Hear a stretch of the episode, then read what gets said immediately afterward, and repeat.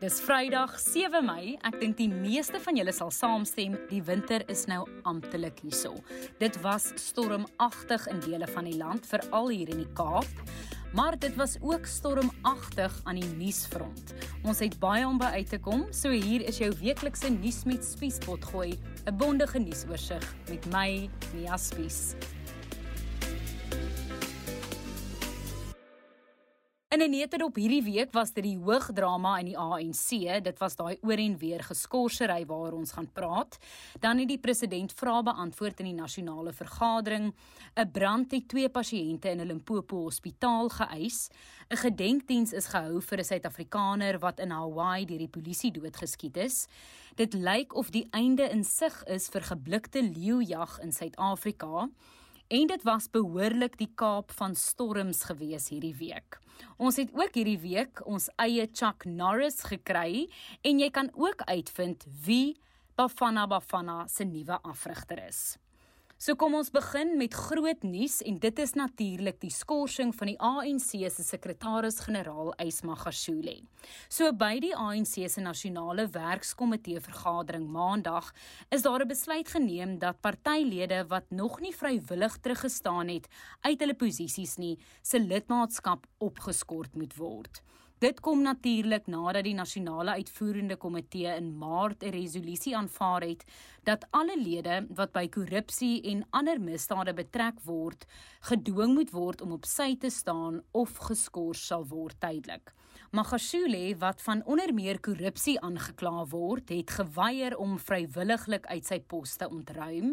Die ANC se adjunksekretaris-generaal Jesse Duarte het toe Woensdag vir Magashule in 'n brief ingelig dat hy geskort is hangende die uitslag van sy hofsaak.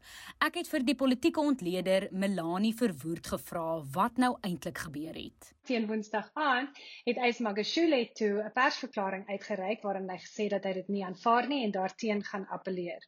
Dit op sigself is nie so verbasend nie, maar wat absoluut verstommend was, is dat hy ook toe bevestig het dat hy 'n brief aan president Cyril Ramaphosa gestuur het waarin hy as Ysmagashule, die sekretaris-generaal, ehm um, dan Cyril Ramaphosa se lidmaat lidmaatskap opgeskort het.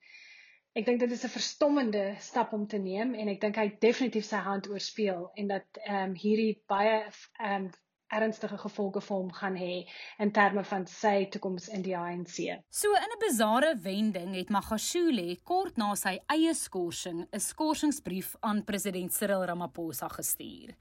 Ramaphosa het daarop gereageer en gesê dat hy geskok is en gesê dat hierdie um, skorsing geen gewig dra nie. Die party het ook daarop gereageer en gesê dat 'n individu nie 'n partylid kan skors nie en dat dit van die werkskomitee of die nasionale uitvoerende komitee moet kom. Magashule hou natuurlik nog steeds vol dat hy die sekretaris-generaal is en die ANC het laat weet dat hulle hierdie naweek tydens 'n vergadering die kwessie sal bespreek. Ons bly by Ramaphosa vir nou. Ramaphosa het donderdagmiddag verskeie kwessies in die parlement aangespreek tydens 'n hibriede sitting van die nasionale vergadering. Opposisiepartye wou natuurlik dadelik weet oor die hoogdrama in die regerende party en dit is wat Ramaphosa te sê gehad het vir hulle. What is happening in the ANC is also not your business. It is ANC business. Now, having put that aside, let me say the following to you. We're not the only country that has been shortchanged, if you like, when it comes to vaccines. Now, we stored a lot of reliance on Johnson & Johnson because it is made here. And the mishaps that we have suffered have been completely out of our hands. Die regering het ook die laaste ruk onder vel kritiek deurgeloop oor die agterstand met sy inentingsprogram. Ons weet Suid-Afrika moet amptelik volgende week met fase 2 van die enstofprogram begin. Dit is waar tydens landsburgers oor die ouderdom van 60 ingeënt sal word. Ramaphosa het tydens die antwoordsessie gesê Suid-Afrika is nog op dreef. Government itself is committed to ensuring that every person 18 years and older will be able uh, to be assisted in this regard.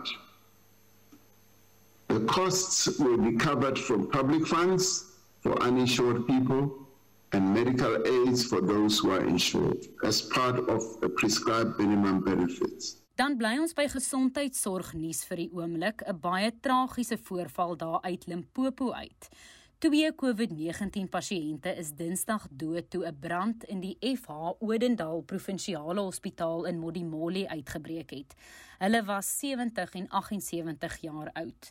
Die minister van Gesondheid, Dr. Zweli Mkhize, het hierdie week die hospitaal besoek en dis wat hy te sê gehad het. To lose a patient with fire is actually a very sad one. So these two patients that we have lost, it's a very tragic blow to our uh, health service. And from that point of view, as I say, I want to convey condolences to the families of those whom we have lost. Nou na 'n ander baie tragiese storie en dit is die dood van die voormalige Suid-Afrikaanse rugbyspeler Lindani Mjeni. Hy is verlede maand in Hawaii dood nadat hy verskeie keer deur die polisie geskiet is. Sihle Zikalala, die premier van KwaZulu-Natal, het donderdag 'n gedenkdiens in Empangeni vir Lindani bygewoon waar hy hom as 'n sagmoedige reus beskryf het. Hy het ook gesê dat Suid-Afrika wag vir antwoorde en dat geregtigheid sal geskied. To keep Lindani's memory and legacy alive, let us all unite and denounce the hostility and the hostile manner of his killing.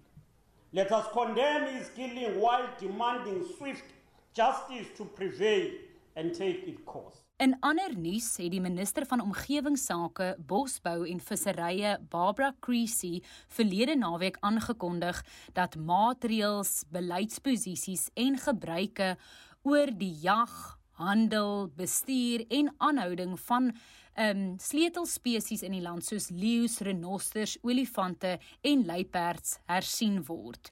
Creasy het Sondag 'n hoë vlak verslag bekend gemaak wat 60 aanbevelings bevat om die wildbedryf beter te reguleer. Een van hierdie aanbevelings is dat sogenaamde geblikte leeujag verbied moet word. Luister wat sy daaroor te sê gehad het. The panel recommended that South Africa does not captive breed lions keep lions in captivity or use captive lions or their derivatives commercially. Nou na die Wes-Kaap waar 'n storm vroeër die week die provinsie getref het en swaar reën en sterk wind na dele van die provinsie gebring het. Ons weet in Struisbaai naby Kaap Agulhas moes mense hulle huise ontruim het na oorstromings en in Bonnievale in die Kaapse Wynlande is twee mense oorlede nadat hulle voertuig in vloedwaters beland het.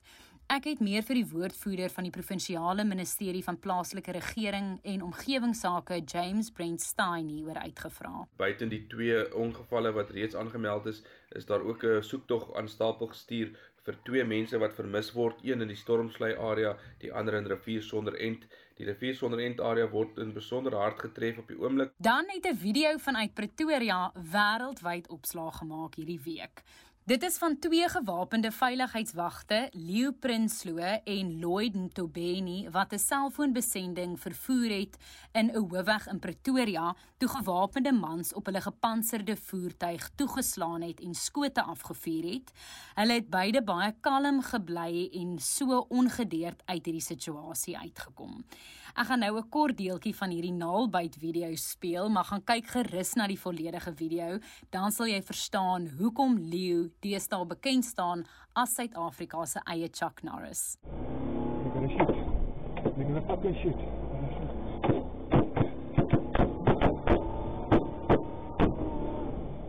Dan eindig ons met sportnuus vir 'n slag. Bafana Bafana het 'n nuwe afrigter. Dit is hierdie week aangekondig deur Danny Jordaan, die president van die Suid-Afrikaanse Sokkervereniging SAFA. The name of Hugo Bruce was presented to the NEC uh, and it was unanimously agreed upon by the national executive members of the South African Football Association. Die 69-jarige Hugo Bruce van België se groot fokus is nou om seker te maak dat Bafana Bafana kwalifiseer vir die 2022 FIFA Wêreldbeker toernooi. Nou dat jy weet wat aangaan in die wêreld om jou, deel asseblief hierdie potgooi met ander mense op Facebook of Twitter of selfs op WhatsApp Kopie net die link in die plasing en deel dit veral in jou WhatsApp groepe, daai groepe wat gewoonlik die Fop nuus stemnotas versprei. Deel hierdie akkurate nuus asseblief met hulle. Nuus met Spies is 'n produksie in samewerking met die Potgooi Produksiehuis Volume. Ons vervaardigers is Roland Perolt en Andy Siwe May en ons kenwysie is deur Curtis Kahl gekomponeer. Bly warm en veilig tot volgende Vrydag.